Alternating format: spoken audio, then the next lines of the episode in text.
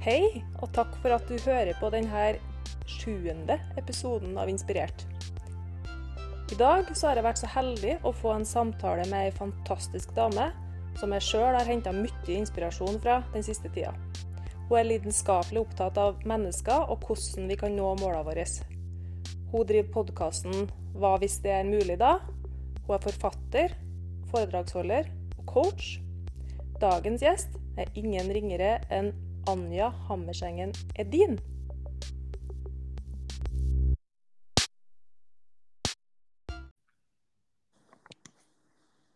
Hallo, hallo. Hallo, du. Hei, Anja, og velkommen til Inspirert. Tusen takk. Du, eh, så hyggelig at du hadde lyst til å bli med. Eh, for å fortelle litt hvem vi har med oss i dag, så er det ingen ringere enn Anja Hammersengen Edin. Eh, og velkommen skal du være. Tusen takk for det, altså. Artig. Eh, Anja, at du i veldig mange år har vært en av landets beste håndballspillere, det må vel nesten sies å være allmennkunnskap. I hvert fall for folk som nærmer seg 40. eh, og sjøl så har jeg jo blitt en veldig stor eh, Anja-fan. Eh, men det er faktisk ikke pga. håndball. da. Eh, håndball det, det er veldig artig, det. altså. Eh, Men igjen til oss så, så holder vi oss på niåringnivå, i hvert fall foreløpig. Så får vi se hvordan veien blir til etter hvert. Nei, Anja, jeg kom jo tilfeldigvis eh, over det da, eh, i mitt møte med Tim Rudi, som var min første gjest i denne podkasten. Mm. Um, og det var jo sikkert like tilfeldig, det. Men han er jo nemlig din kollega. Ja, Tim er en eh, god venn og en kollega, og jeg er bare enormt takknemlig hver eneste dag for å ha han, og, og også Marius, som er vår kollega igjen, i livet mitt. Det er noe med uh, kraften bak uh, ordentlig trygge, gode relasjoner. Mm. Kan ikke du fortelle litt om det samarbeidet dere har? Ja, vi har uh, lenge drømt om alle tre, egentlig, å skape en en plass der mennesker kan få rask og enkel tilgang på personlig utvikling. Mm. Og et sted der det er mulig å få både inspirasjon, men også lære noe nytt. Og få programmer som de kan følge for å virkelig se seg sjøl ta neste steg. Da. Og mye av grunnen til det er jo at vi er helt besatt av det her som sjøl. Altså, vi elsker den reisa. Mm. Ikke bare endestasjonen, som ofte et mål er, men den reisa i å se at uh, wow, jeg håndterer ting nå på en litt annen måte enn måten jeg håndterte det før. Og Mm. det gjør meg stolt. Så Mm. vi har nå skapt appen Heart Mentality, hvor vi både har programmer og meditasjoner, løpeøkter for mindset og coaching, og, og livesendinger da, sammen med medlemmene våre, hvor vi bare jobber med det her. Og vi Mm. trener på alle disse tingene sammen, alle sammen. Mm. Ja. Jeg har jo brukt den en del sjøl, og jeg syns jo det er veldig inspirerende og fint at eh, det finnes et sånn type verktøy da, for oss som, eh, som trenger det. Mm. Eh, Men du har jo også en podkast som heter for um, Hva hvis det er mulig, da? Mm. Og når jeg fant den, så må jeg bare si at der you, you had me at hello. Så fint å høre. Takk, altså. Hva var det som traff? Uh, nei, hvor skal man egentlig starte? Du, du kommer jo med verktøy og teknikker som, og spørsmål. Du stiller spørsmål som gjør at man faktisk har nødt til å tenke seg litt om. Mm. Eh, og på den måten da kanskje slutte å stå så mye i veien for seg sjøl. Mm. For det er jo det, er jo det sånn som jeg ser det da, eh, i den podkasten. Så hvis en skal liksom oppsummere det, så handler det jo mye om at du lærer oss å ikke stå så mye i veien for oss sjøl, og hva vi kan gjøre for å slutte med det. Og det er, eh, jeg syns det har vært veldig gøy å lage den podkasten, fordi når jeg starta med det, så, så har jo jeg en filosofi eh, som jeg elsker og som jeg tror på, og som jeg lever selv. Og så er det godt å da få den følelsen at det her er noe som betyr noe for flere enn meg. Mm. Og det å få lov å bare gi videre det som er fra mitt hjerte, og det jeg virkelig, virkelig tror på, det har vært en enormt spennende reise. Mm. Det har vært en liten sånn oppdagelsesferd for meg, egentlig. Der. Nå, nå hørte jeg deg. Du datt ut litt, så jeg fikk eh, Jeg hørte deg ikke en liten periode der. Mm. OK. Da, da prøver vi igjen. Eh, Det Ja. som jeg sa at eh, det her eh, at, at man hele tida Du forteller noen historier da, som gjør at man får plukka opp noe um, verktøy hele veien, og får låst opp noen nøkler der som, som kanskje er veien inn til ny et nytt og spennende rom da, i seg sjøl. Ja, jeg elsker jo historier. Jeg tror vi lærer mest egentlig gjennom historier og innsikter. og og det å få lov å lære gjennom historier, det, det, fester seg på en litt annen måte. I hvert fall så gjør det det for meg, eh, enn bare å lære det via intellektuelt påfyll. Mm. jeg elsker historier og reflekterer rundt historiene og rett ut i action etterpå. Mm. Ja, det, det, er veldig artig. Eh, nå hadde du jo nettopp en episode um, som handla om uh, bukkene Bruse. ja. og den hadde jeg lyst til å snakke litt med deg om, hvis du syns det er greit? Ja, ja, kjør. Eh, nå er det jo ikke alle som sikkert har hørt den, altså om du kan gjenfortelle den litt sånn uh, raskt? Vil at jeg skal gjenfortelle den? Ja. Ja, ja. Uh, nei, jeg hadde jo sønnen min hjemme noen dager, for han er uh, tre år og blei sjuk. Og elsker å bli lest for. Så vi leste jo boken 'Bruse begynner på skolen' x antall ganger. det er superkoselig. Men etter hvert da så, så, er det sånn at jeg, jeg begynner jo å leite etter inspirasjonskildene, og hva er historien i historien her? Og det historien i historien er for meg, det er at de tre bukkene begynner på skolen. De sitter i klasserommet, og den minste bukken må tisse. Mm. Så han rekker opp handa og, og, må da gå på do. Og den mellomste bukken og den største bukken blir med da, som dovakter. For det er veldig vanlig i skolesystemet nå at nå er det lov å ha med seg dovakter når du skal på do. Mm. Så, så, det som skjer da, det er at de skal gå ned i kjelleren, for det er der doene er. Men da går jo fru Elgaker også ned i kjelleren, og de er veldig redde for fru Elgaker, for hun virker så streng. Mm. Så det den minste bukken da spør de to andre om, det er kan jeg ikke heller gå ut og tisse, da? Det er mye bedre, det er, det er så skummelt å gå ned i kjelleren. Og så går de ut i skolegården, og så, og så tisser da den minste bukken på blomstene. Og da blir jo fru Elgaker dritsur, for hun ser jo det her, og sender de til rektor. Mm. Og da blir jo den minste boken stående og banke på døra da, til rektors eh, kontor, og så sier han at uh, Hvem er det som banker på min dør? Så sier den minste boken at det er bare den minste boken som skal til rektor for å få kjeft. Og jeg syns det er historien i historien der for meg, det er at stort sett så har vi noen, noen venner. Eh, vi har noen dovakter som er med oss i store og små situasjoner i livet. Og det som ofte skjer da, det er at uh, basert på mine frykter og rettferdiggjøringer av, av, mine frykter, så blir vennene mine av og til litt med på det. Mm. Og så lar de meg tisse i blomstene, selv om de vet, og jeg vet, at det egentlig er dumt for meg. Mm. Men fordi det er så skummelt å gå i kjelleren, så er det greit å, at de står og ser på at jeg tisser i blomstene.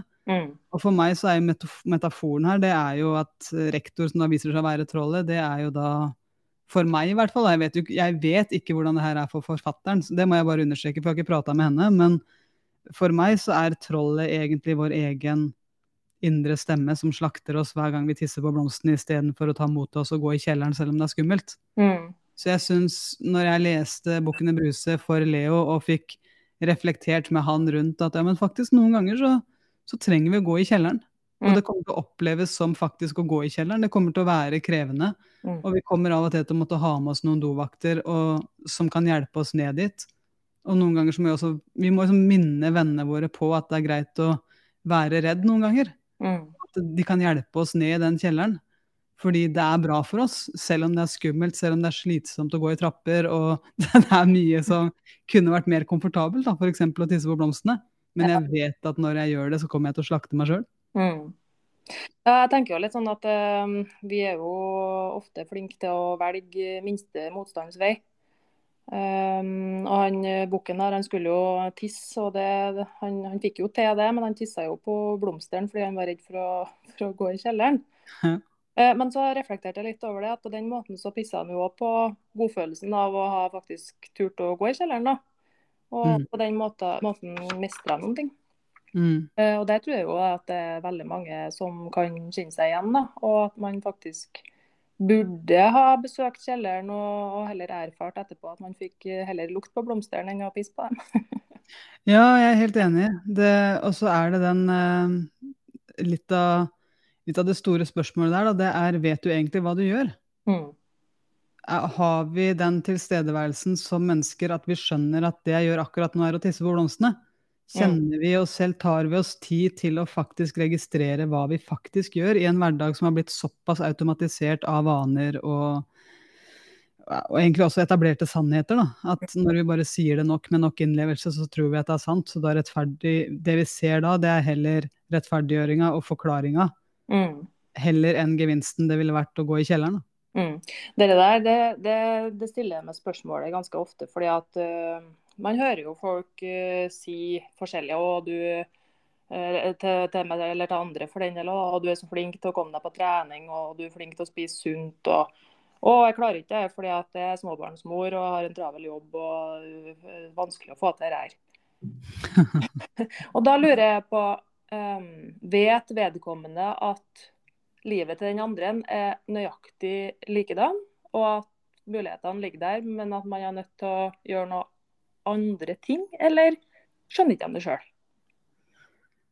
Ja, jeg, jeg, stilte meg jeg, Akkurat nå faktisk, så har jeg laga en ny podkastepisode som kommer ut i dag. Eh, som handler om noe som jeg opplevde i akkurat den gata der på lørdag. For da mm. våkna jeg opp eh, på lørdagsmorgenen. Mm og hadde hatt en natt med ekstremt mye våkentid. Det er sånn at jeg, Du vet når du akkurat rekker å sovne før du må våkne igjen på morgenen. Det er dumt. Det. Ja, det er dumt. Det er veldig dumt. Og så er det jo noe som er ute av min kontroll. For når jeg har lyst til å sove, og Leo ikke er så gira på å sove, så er det jo liksom Da er det jo bare å stille opp som mor, da. Selv om jeg egentlig kunne tenke meg å sove. Og, og der er det jo det, det er et fint spørsmål å stille meg selv da, i det øyeblikket når jeg da våkner og kjenner det trykket i hodet, føler meg fyllesyk uten å ha drikt eh, dråpe alkohol, og jeg inni meg vet av erfaring at jeg er mer skjønn når jeg sover enn når jeg ikke sover. Jeg vet jo det her. Mm. Men så er jo spørsmålet, da, fins det noen mennesker som har sovet helt ræva på natta mm. og fortsatt laga seg en god dag? Mm. Fins det mennesker som står i det jeg står i, og som fortsatt har klart å gjøre noe positivt ut av det? Mm. For ofte så glemmer vi det, for nok en gang så ser vi bare forklaringene, og hva er det jeg slipper unna med, da? Mm. I det øyeblikket jeg sier at 'nei, men jeg har sovet dårlig i natt', jeg skjønner. Mm. Hva er det jeg slipper unna med da? Nei, men Da slipper jeg unna å måtte oppføre meg. Da slipper jeg unna å gjøre takknemlighetsøvelsen min. Da slipper jeg unna Hva er det jeg slipper unna med hvis jeg bare kan si at jeg er småbarnsmor? Mm. Eh, ja, men da slipper jeg å gå på trening. Ja, fett, da fortsetter jeg å si det, da. Mm. Men fins det noen som har masse å gjøre i hverdagen, og som fortsatt skaper rom til å trene? Det er mulig. Mm. Det er mulig at de fins. Så alle har like mange timer i løpet av et døgn. Og det er derfor jeg syns det er interessant å snakke om tid, og ditt kjærlighetsforhold til tid. Mm. Fordi vi, vi har tid til det vi prioriterer. Sannheten er at uh, i en rekke av alle andre prioriteringer så kommer trening nederst på lista. Det, det er det som er sannheten. Mm. Uh, men, uh, men det, er jo, det, er jo, noe av det som er vondt. Da. Det er jo når vi ser at ja, det hadde vært en god idé, men for meg så finnes det mange andre ideer som er bedre. Og så er det ikke sikkert at det, det er det som er mest sosialt akseptert, f.eks. Eller det er ikke det som ja, Noen ganger så er det rett og slett å tisse på blomsten òg, men jeg, jeg, tror at mange går i den greia der, da, i den gata der. Mm. Og så kan man jo spørre, er det da egentlig viktig, eller burde det vært viktig for vedkommende? Mm. Og det er jo bare, altså Alle lever det livet som altså Med sin tid, mm. som de velger. Mm. Og, så, og, så, er det jo det å da vite Kjenner du deg selv? Vet du hva du takker ja til? Eh, er du tydelig nok på grensesettinga di? Er du tydelig nok på å gi slipp? Kanskje trenger du å overlate noe ansvar til noe annet? Kanskje trenger du å skape mer energi, sånn at du faktisk orker å trene? Mm. Det, er, det, er mange, det, er, så mange, aspekter ved akkurat det eksempelet der. Da. Det er så mange grunner til at det kan være lettere å tisse på blomstene, mm. som vi ikke vet. Mm. Uh, men i det øyeblikket vedkommende da stiller seg spørsmålet men fins det noen som står i samme situasjon som meg, som får tid til å trene? Uh, ja, det gjør det mest sannsynlig. Ja, men er jeg fortsatt gira på å trene? Så mm. kan jeg begynne å studere hva er det de gjør. Mm. Ja, og så lurer jeg litt sånn på um, Når at du uh, hører uh, sånne ting da som, uh, som det vi snakka om i sted, at nei, travel småbarnsmor og, og sånne ting. Um, er du da en person som eh, sier ifra eller stiller noen spørsmål, eller, eh, eller hiver du det på og sier ja, nei, skjønner det, det der er travelt i livet, ja, det nytter ikke å prioritere seg sjøl i hele tatt. jeg, jeg, forsøker egentlig aldri å endre andre. Nei. Jeg skal være helt ærlig. Jeg, jeg, forsøker å gå fram som det eksempelet og som en måte jeg har lyst til å leve livet mitt på. Mm. Og så tror jeg at uh, det er mulig å inspirere med action, ikke mm. med ord. Mm. Så, så, det som uh, det som jeg hele tida jobber med, det er meg selv. Mm. Hva kan jeg gjøre nå for å fortsatt få en bra dag, selv om jeg uh, Selv om jeg uh, har sovet ganske lite i natt. Mm. Og, og, det å fortelle de historiene der videre, det tror jeg kan være inspirasjonen og innsikten. Mm. Heller enn å gå inn og bore i noe som eh, noen ikke har bedt om råd på. Mm. Ja, da. Da, da, da lokker de jo mottaksmuskelen uansett. Ja, går i forsvar eller blir sur eller sint, og det kan jo være med rette òg, det da. Ja, det er, det er i hvert fall veldig sjelden at jeg går inn og prøver å, å, å fikse noen, på en måte. Det, mm. det, kan godt hende at de har akkurat det livet de har lyst til å leve, bare at jeg ser på det på en annen måte. Og så mm. ja, de har et helt fint liv. De, for de har jo all rett til å si at de har for mye å gjøre til å trene. Det, det er helt fint, det. Mm. Ja, det er jo det ene. Og så har vi nå gjerne noen personer som står oss veldig nære, og eh, kanskje kan være dem som eh, borer litt i, i unnskyldningene våre, da, om vi skal si det sånn. Um, I hvert fall så skjer det uh, med min samboer, da, som er helt unik når det kommer til å Hvis jeg eh, lager med noen unnskyldninger for noen ting, så, så er han flink til å uh, hjelpe meg til å løse det, da, men med kjærlighet, og ikke med den her 'nå må du ta deg sammen', liksom. Ja, og Her har jo dere mest sannsynlig etablert en relasjon mm. som muliggjør de tilbakemeldingene. Mm. Og, og, det er jo hele forskjellen. At mm. uh, Hvis du sier til meg Anja, kan du gå inn og studere hvordan jeg bruker tida mi, og mm. gi meg helt rake pucker på det, mm. jeg, jeg, kommer til å gå all in og gjøre det med kjærlighet, men jeg kommer til å si det her er det jeg ser. Uh, her er det mulig ut fra ditt målsetningskart at du faktisk tisser på blomstene. Er du enig i det? Mm. Eh, er det noe vi skal altså, Så det er mulig å virkelig face sannheten sånn, men jeg gjør det når jeg har fått myndigheten til å gjøre det. Mm. Ja, sant. Uh, men du sier råd som vi ikke har bedt om. Samtidig så vil jeg jo tro at det er veldig mange som kommer til deg og faktisk ber om råd, da. Hvis du skal prøve å komme med noen fellesnevnere på dem som kommer, hva, hva er det de trenger, eller hva er det de sliter med? Hvis jeg skal være helt ærlig, så opplever jeg at det er veldig, det er veldig få som har kontakt med gullet inni seg. Mm. Eh, det, det, er mange som leiter etter følelsen av å være nok, mm. Eh, god nok. Og, og, og, så blir det liksom overskygga av uro, av, av stress, av utydelig grensesetting i frykt for å skuffe noen, eller uh, Det er veldig mye av det, det går, som går igjen. Da. Det er en veldig fin historie om en buddha. Skal jeg fortelle en? Ja. Det er uh, I Thailand for mange mange, mange år siden så sies det i hvert fall da, at uh, det var Det skulle komme en hær og plyndre byen der gullbuddhaen sto. Og, altså en buddha som er laga av gull. da. En stor, stor statue av en buddha som er laga av gull.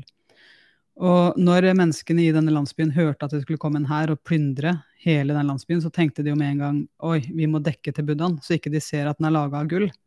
Så det de gjør, det er at de tar masse leire, de tar masse grus, masse stein, og virkelig da dekorerer buddhaen sånn at den ser ut bare som en stor grå stein, helt verdiløs.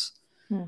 Og, og, så når da denne hæren kommer til landsbyen, for de begynner jo å plyndre, så ser de figuren, de ser buddhaen, men de går bare rett forbi fordi de ser den som verdiløs. Så går de inn og så prøver de å finne andre, andre steder å finne gull. Mm. Um, og den plyndringa sånn, holdt på i ganske mange år. Det var ganske lang feide, så etter hvert så begynte selv innbyggerne i byen å, å tvile på at buddhaen var laga av gull. De visste ikke det. Mm. Og til slutt så blir plyndringa ferdig etter mange mange år, og så sitter det en liten ung munk foran buddhaen og mediterer, og idet han skal da reise seg opp, så ser han at det er en liten sprekk. Han ser at det er noe som skinner ut fra alt gjørma, all leire. Det er noe som skinner der. Så går han bort, Og så prøver han å fjerne litt mer, og så ser han at shit, det er gull under her. Så løper han ut til landsbyen og sier han, det er gull, det er gull! det er gull! Buddhaen har laga gull! Buddhaen har laga gull! Og alle strømmer jo til sant? og sier wow, det er sant! Buddhaen har laga gull! Og når, når, de da ser det altså Metaforen her, da, det er jo at uh, veldig ofte så er alt, alle de laga på utsida av oss sjøl, det er bare det som er på utsida av det som egentlig er gullet. Mm. Og i det øyeblikket du har tappa inn, og du har våga å fjerne de laga, og du våger å se det gullet som er på innsida, så kommer du aldri til å gå tilbake igjen. Mm. Fordi du har ro. Alt, jeg, jeg, tror virkelig at alle vi mennesker, vi kommer fra et sted av ro. Av et sted av, vi har et sted inni oss som bare er ro, som bare er kjærlighet. Og det kan vi tappe inn i hver eneste dag. Det er det jeg gjør når jeg driver med hjertefokusert pust, blant annet. Det her er jo Vi har det stedet tilgjengelig for oss. Og når vi begynner å tappe inn i det, mm. så vil det oppleves nesten som magi. For det, er helt umulig å forstå hvordan det var før. Mm. Og, og, det er noe av det som jeg brenner for å gi videre. Det er den følelsen av at det, eh, du trenger ikke bevise noe for å være nok. Du trenger ikke legge på deg flere lag av kunnskap, doktorgrader eller, eller hva nå du bruker, da. Fordi at inni deg så er det gull, og hvis du bare lar det skinne, så kan det være mer enn nok. Mm. Men det har vært der hele tida. Det er bare at etter hvert som vi, blir, vi, vokser opp, vi får et navn, vi får noen normer og forventninger fra samfunnet, vi får mennesker som forteller oss hva vi skal gjøre, hva vi ikke skal gjøre, mm. så blir alle de laga der de blir lagt på utsida av gullet vårt. Da. Og da er det mm. vanskelig å skinne gjennom ja. der sånn. Hvordan eh, skal vi klare å finne gullet da, Anja? Den enkleste om, Altså det enkleste, jeg kan si det, da. Eh, men veldig mange er jo redde for stillheten. Mange er redde for å være aleine med seg sjøl, for da facer vi ting. Mm. Og, og, mange av de laga som er på utsida av oss, det er jo ting som har skjedd tidligere. Så når vi facer det, og vi jobber bl.a. med tilgivelse, da, eller vi jobber med å reframe, f.eks. Se på ting på en annen måte. Eller vi jobber med hjertefokusert pust, meditasjon, som hjertefokusert pust jo er. Da får du akutt tilgang på det, sånn veldig, veldig kjapt. Den roen, i hvert fall. Mm. Uh, så alt det her sånn, det er jo ting som jeg brenner for å få inn. Hva er, hva er det vi lærer ungene, hvis vi tar tilbake til tilgivelse, da? Mm. Hva er det vi lærer ungene våre i tidlig alder? Vi lærer de å si unnskyld. Mm. Vi lærer ikke å tilgi. Ja, godt poeng. Så, så, med det da, så er det lett å bare tenke at ja, men jeg sa unnskyld, og så går du videre i livet, men egentlig så gnager du deg sjøl opp med dårlig samvittighet, for du vet ikke hvordan du kan tilgi deg selv. Du vet ikke hvordan du kan tilgi andre. Og mye av det handler om at jeg har ikke lyst til å tilgi, for jeg har ikke lyst til å liksom at du skal føle at du ikke må pay for det her, liksom. Mm. Men, hva hvis det er mulig at du blir fri, da? Mm. Så det er bare en av, en av, et hav av mange ting som jeg brenner for. Men meditasjon, mm. det, er, det, er, altså så sterkt. For der, der, tar du lag på lag på lag på lag på lag på lag. Mm. Og, og, det forsvinner. Og det er knallhardt av og til. Beintøft. Og andre ganger så er det en sånn litt sånn følelse av at det no, det, er bare så sterkt at det er helt fantastisk å sitte i. Så mm. Så det er noe jeg anbefaler, for jeg, jeg, tror at vi trenger å kjenne oss selv. Og da er vi tilbake til bukken i Bruse. Noen vet ikke at de tisser i blomstene, for de kjenner ikke seg selv. De mm. vet ikke hva gullet er. Ja, sant. Eh, du har jo holdt på med meditasjon i mange år, hvis jeg har oppfatta riktig. Eh, hvordan kom du over det? Eh, gjennom idretten. Det er veldig relevant i idretten pga. fokus. Eh, for meditasjon, det er én ting er jo å, å, ha sin personlige utvikling gjennom meditasjon og, og, se at jeg finner gullet mitt. En annen ting er jo er jeg en person som er kapabel til å stå midt på banen, midt i kaoset. Mm. Eh, håndtere meg selv feile, eh, håndtere meg selv oppleve suksess. Se meg selv i alle de situasjonene her sånn, og så likevel være i øyeblikket.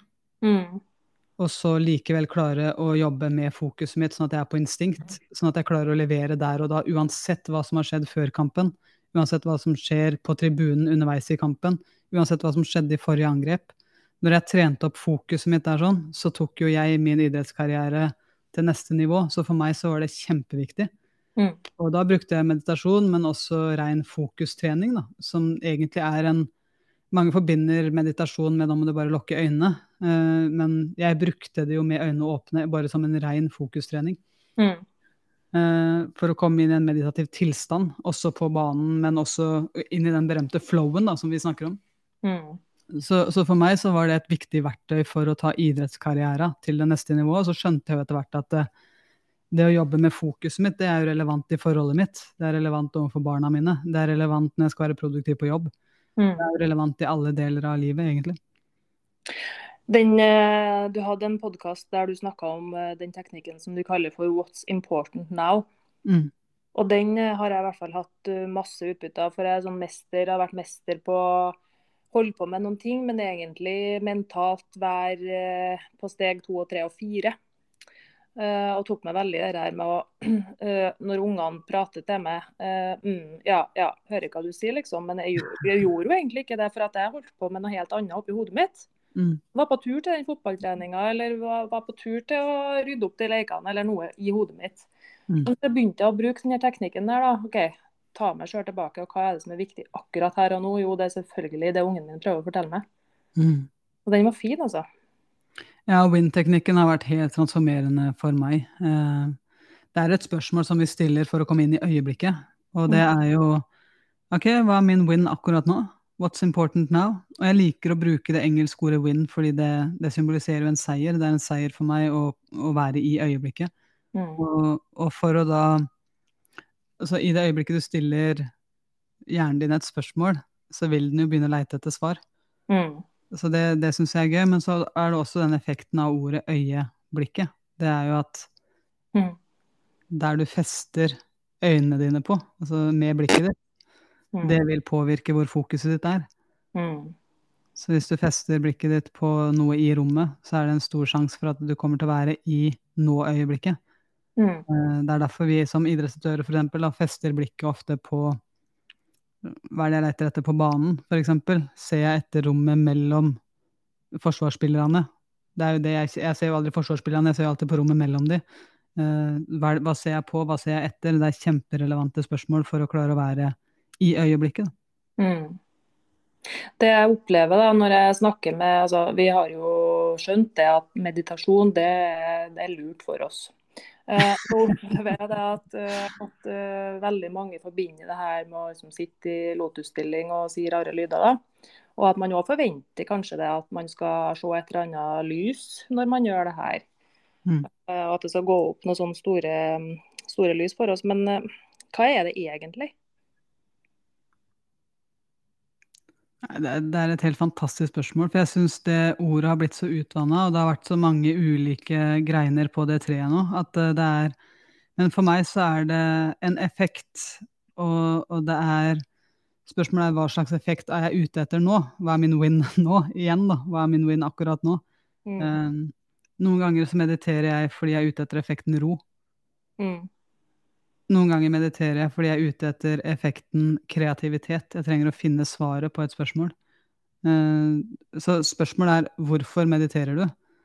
Og så, og så har jeg de vanlige morgenmeditasjonene mine og kveldsmeditasjonene hvor jeg da setter sammen ting. Fordi ofte i Jeg vet ikke om du har merka det, men når du er aleine med deg selv, eller står i dusjen eller sitter i bilen aleine i kø, så plutselig så begynner du å sette sammen ting i hodet ditt. Ser Mm. sammenhengene. Og det handler jo om at du nå Hjernen din er ikke forstyrra av andre ting. Mm. Uh, og noen ganger hvis du f.eks. har leita etter svaret på noe på jobb, eller du har lært mye nytt, og så har du kanskje lært fra ulike kilder, så trenger du å sette sammen hva det jeg egentlig har lært her. For nå bare føles det ut som sånn lapskaus. Jeg Mm. trenger å lage det her sånn til en bunnsolid rød tråd.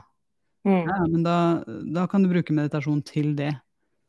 Så, så for meg så er eh, meditasjon det er innsikten i går jeg i kjelleren eller tisser jeg på blomstene. Det er hva jeg er ute etter, hva min win akkurat nå. Vil jeg bli kreativ? Trenger jeg å sette sammen ting? Trenger jeg å finne ro? Trenger jeg å finne takknemligheten i hva jeg faktisk setter pris på i livet mitt akkurat nå?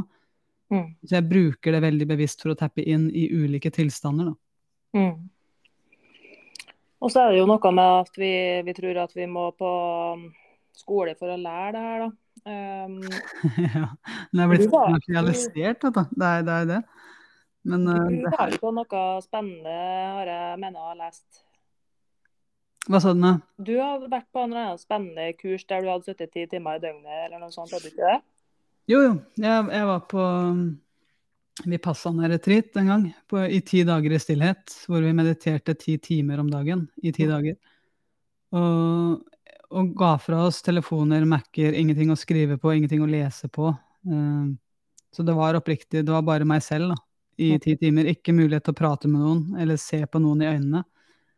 Så, så det var eh, Det er en reise som eh, som ble en liksom wow-opplevelse egentlig for meg. Fordi at det er Det krevde ganske mye mot.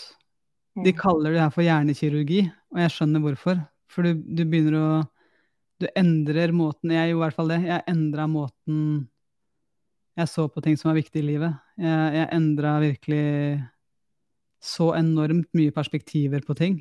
Mm. Og jeg så meg selv mestre noe som jeg tidligere kanskje hadde valgt andre løsninger på. Mm. Um, det å se andre mennesker ha det vondt. Jeg husker jeg, vi fikk lov å gå en sånn liten runde i skogen i pausene mellom meditasjonene. Og jeg merker jo det at en av mine go to, en av mine strategier når jeg har uro i kroppen, det er å bevege kroppen. Mm. Eh, Så jeg begynte å bevege kroppen ganske mye rundt i den løypa. Vi hadde ikke lov å løpe, for det hadde vi ikke nok mat til. Vi fikk to måltider om dagen. Mm. Men jeg da går forbi en dame som, som står inntil et tre og gråter, og jeg må bli tvunget til å gå forbi henne, og Mm. ikke kan legge armen rundt, ikke kan se henne i øynene, ikke kan være der for henne, selv om det er en helt fremmed og jeg kjenner henne ikke. Mm. Så må jeg gå forbi henne og vite at hun er akkurat her, akkurat nå, for å lære seg å håndtere det som oppstår på innsida selv. Mm. Sånn at ikke hun legger det ansvaret overfor noen andre, og på noen andre da, når hun kommer hjem. Men jeg syns den var tøff. Den å ikke kunne være der for noen. Eh, fordi det var det som var forutsetningene akkurat der. sånn da. Og så var det tøft å eh, ikke kunne be om hjelp når jeg sjøl trengte det. Når jeg selv hadde det vanskelig. da. Og så ikke kunne strekke ut en hånd og si at jeg trenger noen å prate med. Og det, altså det å stå i den smerten, og det å erfare det, eh, og det å vite at eh, jeg kan lene meg på meg selv, Mm. det ble en viktig erfaring for meg. Ja.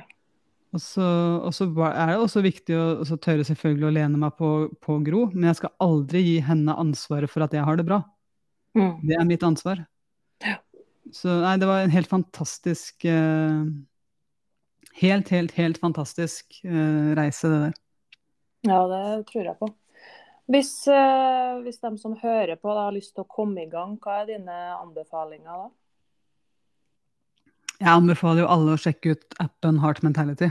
Mm. For der har, eh, der har vi laga veldig mange ulike meditasjoner eh, som ligger klart, som du bare kan gjøre. Der har vi også livesendinger på meditasjoner, der vi mediterer sammen. Der jeg sitter og mediterer sammen med medlemmene våre.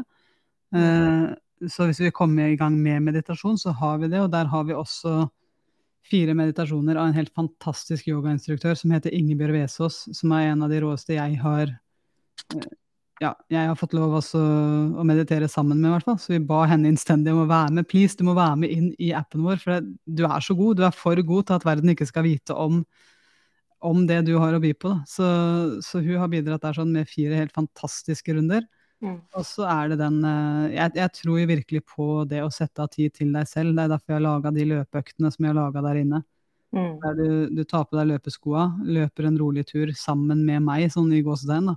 Mm. Der jeg forteller historier og stiller deg spørsmål som du får tid til å reflektere over. Så det, det, det her er jo noe vi har laga fordi vi mente det var noe som mangla.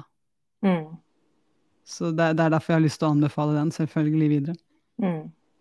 Jeg har prøvd den sjøl og syns det er en veldig god måte å komme i gang på, i hvert fall for, eh, for oss som ikke er så drevne i det her. da. Mm. Og syns det er veldig fint å kunne høre på sånn guidet meditasjon. fordi min opplevelse var jo det at når jeg skulle gjøre det her, så vandra jo tankene, og at det var innimellom vanskelig å liksom, ta dem tilbake. da. Mm. Eh, Og at man plutselig satt og tenkte på hva man skulle ha til middag i morgen. og, og det her. Og en, en annen utfordring som jeg også har hatt, er at jeg sovner. Mm. Og da er det veldig greit å kunne, kunne høre på noen som uh, prater og sier hvordan man skal fokusere, da. Mm. Og så er det jo også sånn at begge de to eksemplene du sier nå, om at tankene vandrer, mm. og at du sovner, det er to helt naturlige ting. Mm. Og kanskje trengte kroppen din en powernap akkurat nå. Mm. Eh, så er det kanskje helt greit, det òg. For ofte så, så, setter vi litt sånn forventninger til oss selv at hvis jeg mediterer, så skal jeg ikke tenke på noe. for eksempel, da. Eller hvis jeg mediterer, så skal jeg ikke sove. Men, men hva hvis det er mulig at det her var akkurat det det å f.eks. sove, da. Ja, men da var det det din kropp trengte nå. Det var å få lov å slappe av litt. Og når du tenker på noe, så er det jo det som er selve meditasjonen. Det er jo å registrere at det er det som skjer, og så hente fokuset tilbake og smile. Mm. Eh, så når du begynner å gjøre det gjennom hele dagen, da, og du registrerer hvor er fokuset mitt nå, hvor har det vandra hen, så hente det tilbake til nå-øyeblikket, så har du gitt deg sjøl en win. Mm. Gitt deg sjøl en seier, fordi du nå er den som kan registrere det. Jeg pleier å stille spørsmålet har du noen gang lagt merke til at du tenker på noe før? Og, og da sier jo folk flest ja, jeg har det. Det er jo helt stjerne, for hvis du er den som kan registrere at du tenker på noe, så er du den som har hele makta. For det betyr at du er den som da kan hente det du tenker på, inn i nå-øyeblikket. Mm. Eller bare la det være der oppe, eh, hvis ikke det er en fordel, da, det du har sittet og tenkt på. La det være der oppe, Mm. og så komme inn i nå-øyeblikket. Og stille spørsmålet hva er min win akkurat nå? Registrere og plassere. Veldig spennende. der Vi bruker vel ganske mye tida på å faktisk tenke. Mm. Ifølge Harvard så har vi ca. 47% av tida vår oppe i vår mentale verden. Mm. Og det er, det, er, det er mye, men i tillegg da, så er den studien der den er fra 2009, så jeg mistenker jo at den er enda høyere nå. Men uh, mm. det, det, er en helt, en helt vanvittig uh, stor andel av tid vi bruker i vår mentale verden. Og spørsmålet er hva driver du med der oppe? Ja, ikke sant. Det, når man hører sånne ting, så skjønner man jo hvor viktig det er å faktisk uh, lære seg å, å, ha litt styr på det. Ja, ja, ja. Og, og, det er jo noe av det jeg virkelig brenner for. Det er jo å skape det til et bra sted å være, da. Mm. Jeg er jo veldig interessert. altså Én ting er jo at man kan finne gullet i seg sjøl, som du nevner. Men sånn rent fysiologisk, da, hva er det som skjer med hjernen når vi kommer inn i denne tilstanden? I hvilke, hvilken av tilstandene da? Hvis du mediterer, eh, og det her med hjernebølger og, og den. Mm. Ja, Det er mye snakk som skjer der oppe. Vi har jo ulike hjernebølger. Eh, og vi har forska mye på fem av de store, som da er eh, beta, alfa, teta, delta. Altså helt på toppen så er det gamma. Eh, det er det de heter. Så, men, men, når vi trer inn, når majoriteten er en av de her sånn, så får vi til ulike ting. Og da tapper vi inn i ulike tilstander. For alle hjernebølgene er der hele tida, det er ikke det. Men f.eks. nå som du og jeg prater sammen, så er jo vi i den majoriteten av hjernebølger som heter beta-hjernebølgene. Her går det ganske fort, her klarer vi å kommunisere, men den tilstanden er også ganske tett assosiert med stress. Ja. Med følelsen av å ha mye å gjøre, med følelsen av å bli litt sånn uptight, litt anstrengt, fordi at uh, hjernen slapper ikke av. Mm. Men når vi kommer ned i alfa, som jeg liker å si, som ikke er et korrekt uh, begrep i det hele tatt, åpenbart, men det er i hvert fall at der går det litt saktere, da. Der beveger hjernebølgene seg rundt i hjernen din med en syklus som er litt roligere enn det den gjør når vi to prater sammen. Og du kan komme inn i alfa bare ved å lukke øynene dine. Så kan du gjøre alfahjernebølgene til den mest majorit, altså til den sterkeste hjernebølgeaktiviteten. Og det, det, det gjør, det er jo at du blir mer kreativ. Du klarer å sette sammen ting. Uh, og det her sånn, det skjer jo ofte med en lett meditasjon. Mm. Eller med en aerob trening. Mm. Der du merker at uh, du bare får opp pulsen litt. Da så skjer det her sånn, da kommer du inn i kreativiteten. Det er derfor folk, f.eks. på jobb, så er det mange som liker å sette alle ansatte rundt et rundt bord, og så sitter de med en rolig kropp, og så sier de 'finn løsninga', så er det ikke en kjeft som finner løsninga før de kommer hjem, og så skal de legge seg på kvelden, og så bare boom! Der, der var løsninga! Uh, og, og, det her handler jo om at uh, vi er veldig opptatt i vår verden av tiltak. Vi er veldig opptatt av at vi skal lage strategier og handlingsdokumenter, og, og alle, all de tinga er sikkert fint, det, men vi er veldig lite opptatt av tilstand, og hvordan tiltak og tilstand faktisk henger sammen. Da. Mm. Så, så, når du er i alfa, så har du muligheten til å se ting litt klarere. Eh, og så kommer du ned i teta. Det er jo enda dypere. Der går det enda saktere oppi der. Og når du er i teta-aktiviteten din, og da er du litt sånn i grenseland mellom våken og ja, mellom våken og søvn, egentlig. Og der kommer jo innsiktene. Der har du muligheten til å tappe inn i innsiktene på store avgjørelser i livet. Mm. Eh, skal jeg si ja, skal jeg si nei, skal jeg gjøre dette, skal jeg gjøre dette? Og også faktisk ganske dype innsikter. Eh, Edison brukte det her veldig mye. Albert Einstein brukte alfa veldig mye for å komme opp med de tingene han gjorde i mirakelåret sitt. Så det er, altså, det er ganske store tenkere før oss som har brukt det her aktivt. Men og så har vi den siste som er delta, da, det er da du ikke deltar i det hele tatt, der du sover. Men det er, det er, veldig mange som har brukt de tingene og de tilstandene her aktivt før oss, men det er først nå de siste åra at vi har kunnet måle det. Mm. Og det er det jeg syns er så spennende med vår del av verden, det er at vi trenger bevisene før vi tror på det. Før vi gidder å gjøre det. Så, så vi modellerer ikke mennesker før vi vet at det de menneskene har gjort, faktisk kan måles gjennom forskning. Mm. og jeg syns det er egentlig ganske fascinerende, for det her har vært tilgjengelig for oss hele tida. Mm. Det er først nå i det siste Å ja, vi kan måle det, ja, men da tror vi på det. Mm. Du skal ikke bare tro på at Albert Einstein har endra verden, eller? Det, altså, det er jo Jeg, jeg, jeg syns det, det er så sykt fascinerende. Ja, men det, det, har du nok rett i, og det fikk meg til å tenke på den historien du fortalte om han 60 eh, år gamle mannen som eh, sprang. Ja. Kan du fortelle den? det her er jo en historie fra en, eh, en podkast som jeg har laga, fordi at jeg liker å lære gjennom historier, egentlig. Og det den handler om, det er om en 61-åring som heter Cliff Young, som egentlig var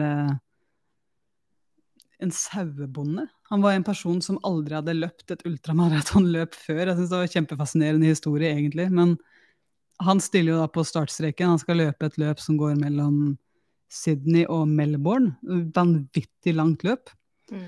Og det som skjer når han stiller på den startstreken, det er at folk spør om har du løpt før, har du egentlig det som skal til, uh, har du gått feil?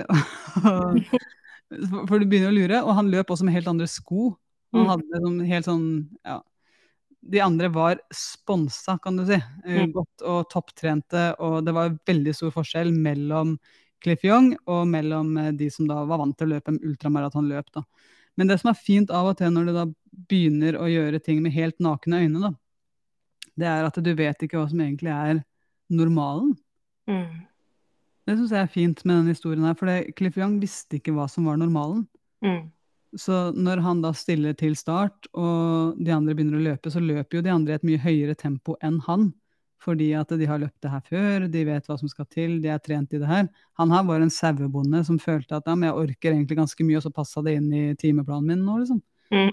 Eh, så, så, han hadde jo en helt annen inngang. Mm. Men de andre løper jo fra han, så han ser jo ikke noe mer til de. Men det han ikke visste, det var jo at normalen her var å løpe i 18 timer. Mm. Altså at da sover du i seks timer, og så begynner du å løpe igjen etter seks timer. da. Mm. Det visste ikke Cliff Young.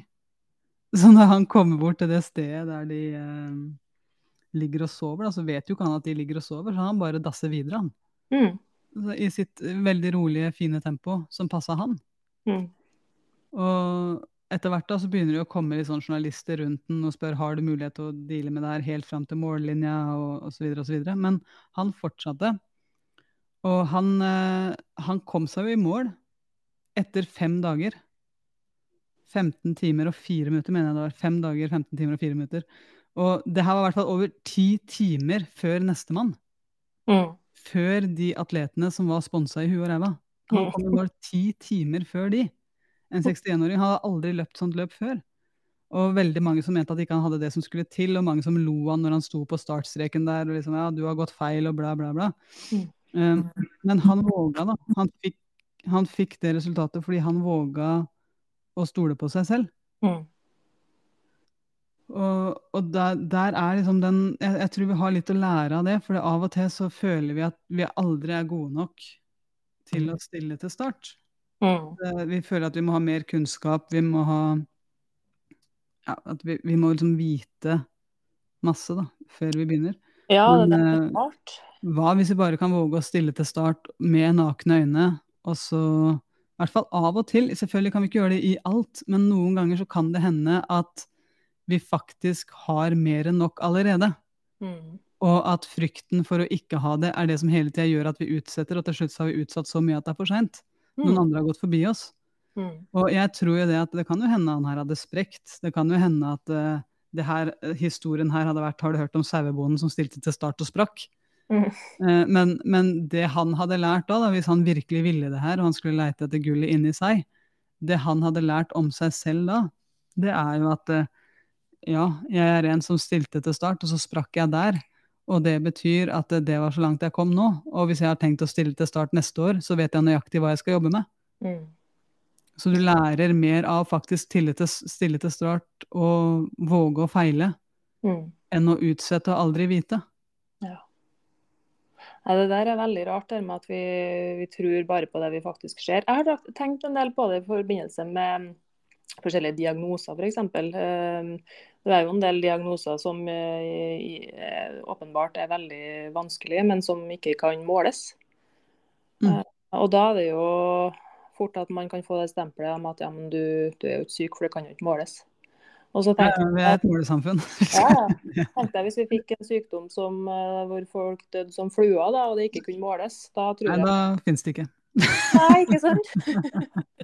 Da tror jeg at forskerne eh, hadde ville fått det travelt med å finne ut hvordan det her faktisk kan måles. Da. Eh, Det er interessant at vi er skrudd sammen på den måten. Ja, for det, vi, vi legger jo vår lit til usynlige ting hele tida. Egentlig, hvis vi skal være helt ærlige. Vi, vi bruker internett hele tida uten at noen kan se det.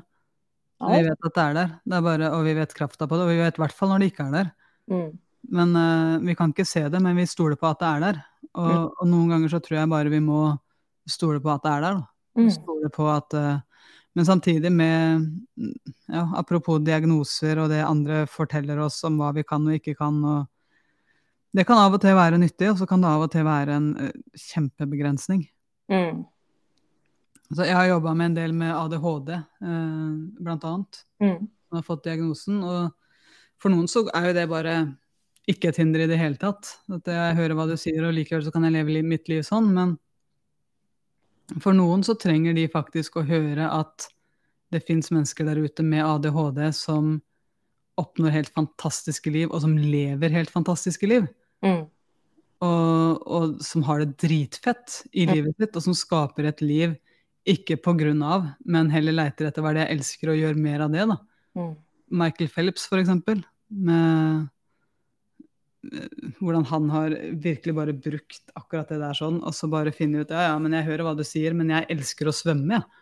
Mm. Og det endte jo opp med at han fikk var det 23 OL-medaljer, nei, OL-gull og 28 medaljer.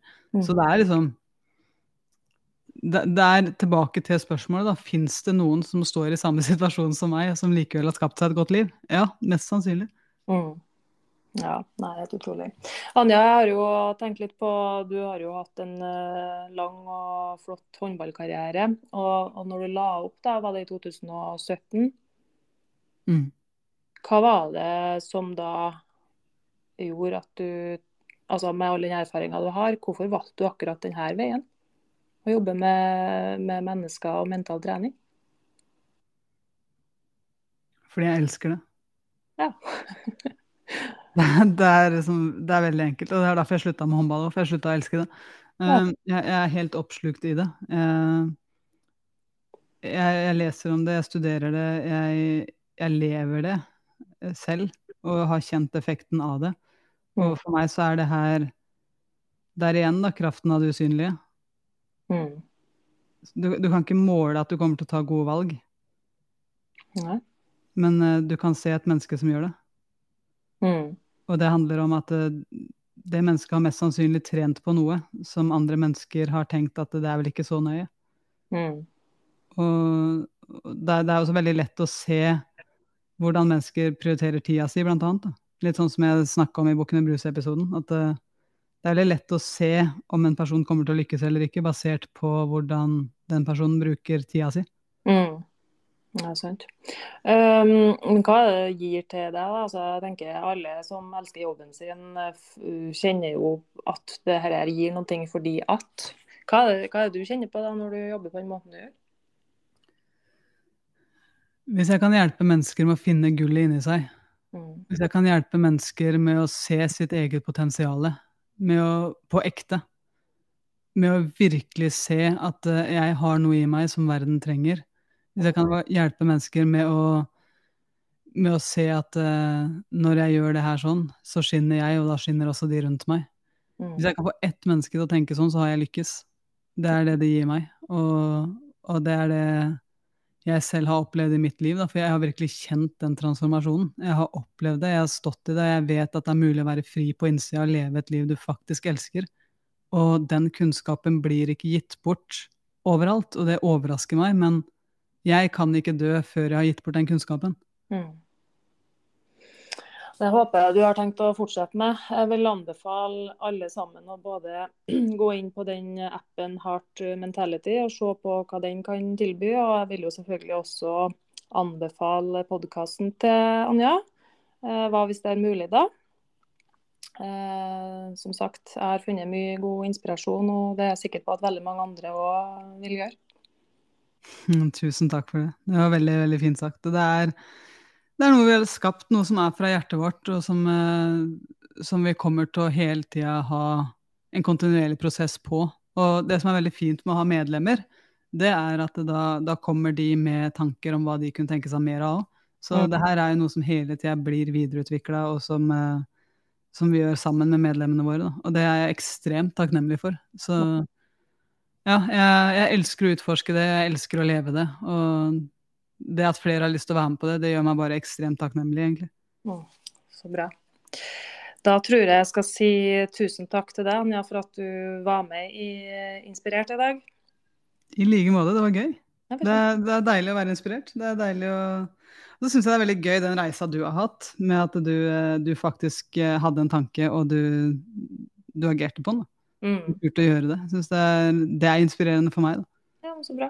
Nei, Det er artig når man, eh, når man tørs, da. For det er jo det det handler om, å tørs. fordi jeg tror det er mange som har mange mål og drømmer og lyst til å gjøre ting, men så kommer den her styggen på ryggen som jeg og Tim snakka om, da, og sier at nei, det kan du ikke, eller hvem er du til òg? Mm. Um, men det er noen ting med å tørre å prøve, da. Mm. Mm. Ja, Det var herlig. Det var Veldig fint at du gjorde det. Du har en veldig fin dag videre. Takk for at jeg fikk være med her. Takk i like måte, Anja. Ha det bra.